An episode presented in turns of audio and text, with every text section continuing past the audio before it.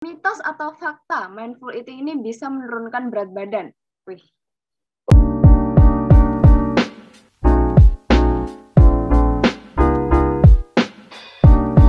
Oke, halo Guru Spacer, kembali lagi di sini bersama aku Debbie dan Kak Jacqueline Wijaya. Nah, karena di segmen sebelumnya kita sudah kupas habis nih mengenai mindful eating, dan di segmen ini kita bakal ngebahas lebih lanjut mengenai mitos dan fakta tentang mindful eating. Oke, siap ya Kak Jacqueline? Siap, lanjut.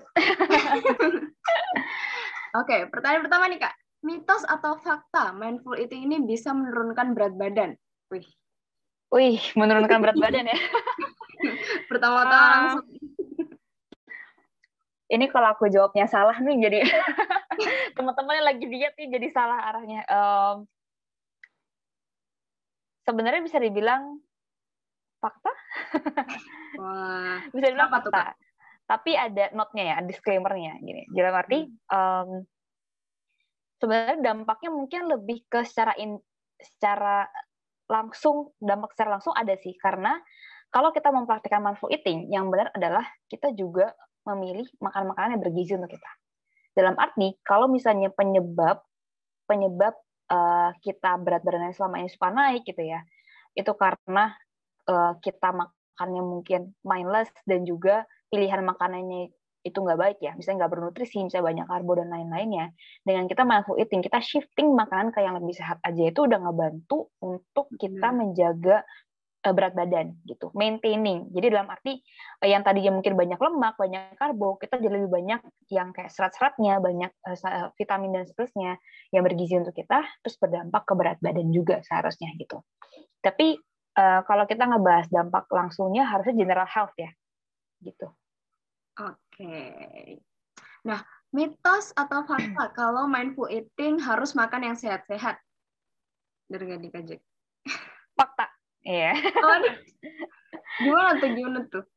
fakta karena em, em, kalau dari tapi ini based on what I, I read ya. Jadi nanti teman-teman uh, again gitu jangan ragu untuk kayak coba searching lagi seputar ini. Karena kalau dari aku baca memang prakteknya itu uh, mungkin secara definisi memang lebih ke sadar, sadar terhadap apa yang kita makan.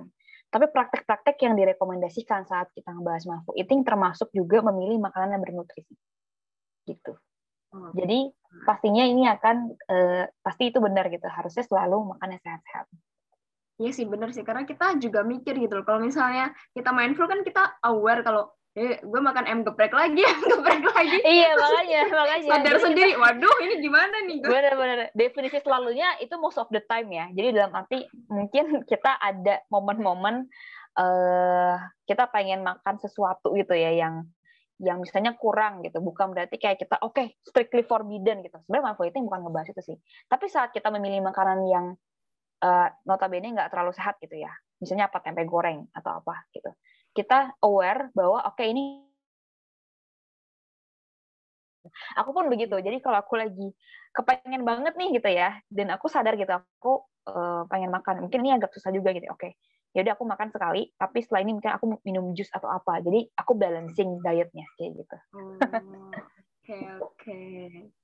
Nah, mitos atau fakta mindful eating makannya lama? Em,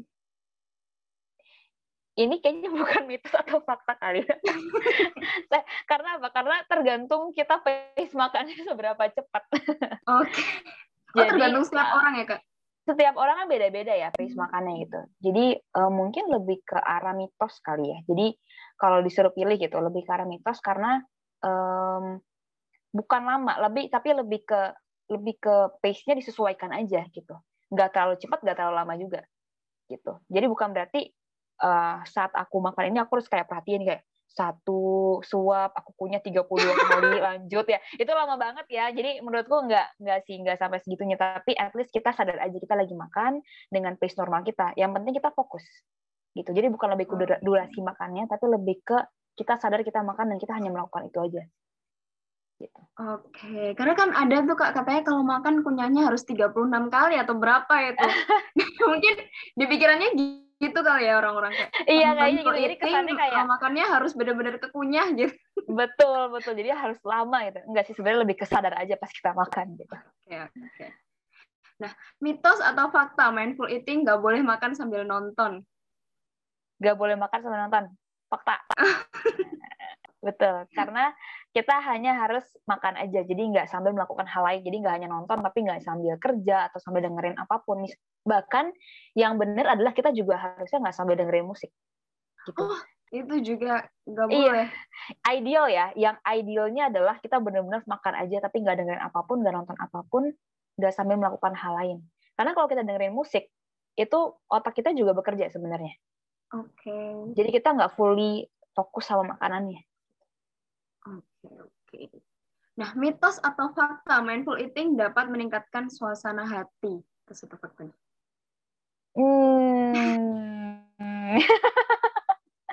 ini meningkatkan suasana hati ya? Iya, jadi lebih baik gitu kak. Jadi mungkin lebih sumringah, senang gitu. Oh, oke, okay, oke. Okay. Bisa dibilang ke arah fakta. Karena karena ini dampaknya tapi menurutku lebih jangka panjang ya. Karena kan tergantung oh.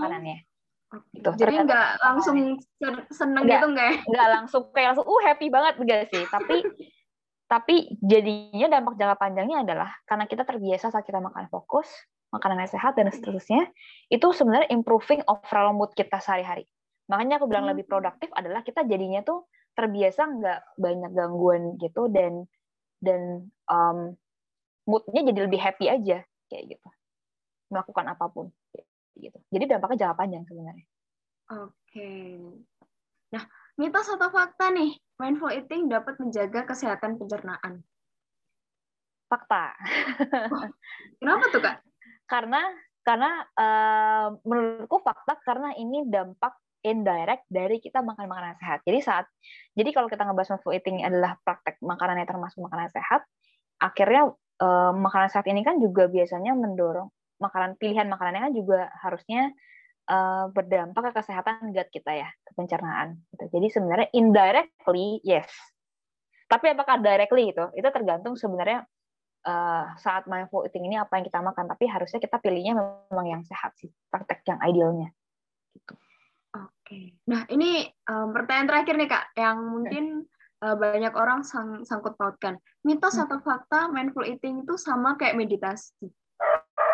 Oh wow, meditasi ya. ini aku oh, mindful ya kan? iya kayak karena mindful jadi meditasi. Di air terjun. Di air terjun gitu ya. Uh, mungkin ini bukan di tengah-tengah kali ya. Maksudnya bukan aku nggak bisa benar-benar ngejawab sih gitu. Mungkin aku langsung jawab aja uh, menurutku gimana ya. Karena meditasi itu tujuannya beda sih setauku ya gitu. Tapi kalau dari uh, temanku uh, aku dengar dari temanku yang memang dia juga mempraktekkan meditasi um, dia ada satu praktek yang memang um, sambil makan gitu. Tapi dia dilatihnya jauh lebih dengan kondisi yang terkontrol. Kalau kita kan mungkin kayak ya udah uh, benar-benar makan biasa tapi kita fokus aja kan aware. Kalau hmm. itu benar-benar setiap suapnya itu kita pikirin gitu loh. Setiap suapnya kayak ambil satu terus kamu nggak langsung makan pelan-pelan kamu angkat sendoknya jadi oh. kamu kayak bener-bener sampai ada kayak bahkan rasa nggak ingin makan bahkan bisa jadi ya kayak gitu kayak aku kurang gitu ngerti ya? ya tapi tujuannya apa ya tapi mungkin lebih ke self control kali ya meditasi juga gitu jadi tujuannya itu agak um, agak berbeda sih gitu ya. Hmm. Karena kalau kita mindful eating itu memang kita pengennya jadi fully sadar dan mungkin ada pengaruh kepikiran juga tapi nggak satu-satunya itu tujuannya. Dari dengan meditasi lebih kayak the whole experience secara holistik yang kamu rasakan gitu. Gitu. Tapi aku nggak bisa, jadi aku nggak bisa bilang ini mitos atau fakta karena kalau dibilang fakta juga sebenarnya faktanya dia tujuannya berbeda tapi nggak dibilang mitos karena sebenarnya ini mungkin part of meditation practice maybe gitu maybe gitu Benar. karena kan belajar tentang mindfulness juga kan dan itu adalah part of kayak berkaitan sama meditation tapi kalau dibilang sama atau enggak menurutku ini berbeda kayak gitu Oke. Nah, apa nih pesan uh, Kak Jacqueline bagi orang-orang yang masih malas atau ragu-ragu nih Kak untuk menerapkan mindful eating? Oke, mungkin uh, dari aku buat teman-teman nih ya yang kayak udah kepikiran nih pengen coba tapi mungkin masih ragu-ragu, sebenarnya uh, mindful eating ini nggak harus kita ngelakuinnya langsung ideal ya. Dalam arti oke okay, gue langsung bisa planning apa yang gue mau makan gue harus langsung makan sehat terus abis itu saat gue makan gue kayak langsung fully aware. Start aja dari hal yang paling kecil dulu yaitu um, minimal saat kita makan coba sadar terhadap apa yang kita makan. Itu sangat sangat membantu. Jadi misalnya aku lagi mau makan nasi goreng gitu kan. Biasanya porsinya banyak kan nasi goreng oke. Okay. coba aja fokus jangan sambil ngelakuin apa pun. Itu hal pertama yang simpel yang bisa kita lakukan. Nah biasanya saat kita sadar kita baru tahu ini banyak banget ya. Gitu. Kita sadar ini banyak banget ya. Terus kayak setelahnya bega. Jadi benar-benar sadar akhirnya kayaknya gue harus ubah. Nah biasanya kalau udah mulai ngelakuin satu hal itu itu baru sadar dan akhirnya kayak uh, masuklah ke hal-hal lainnya. Jadi kayak oke okay, oh, ini too much for me. Sekarang gue atur porsinya setelah atur porsinya gue atur makanannya apa dan seterusnya. Gitu. Jadi start small dengan being aware of what you eat dulu. Oke okay. yang penting harus sadar dulu lah. Yes Oke, nah thank you banget nih Kak Jacqueline udah menyediakan waktunya dan untuk berbagi ilmu pada Growth Spacer di sini. Thank you juga buat Growth Spacer di sini yang udah nonton dan udah dengerin podcast kali ini. Nggak terasa udah hampir satu jam nih ya kita ngobrolin mindful eating dan dapat banyak banget insight-insight menarik dari Kak Jacqueline.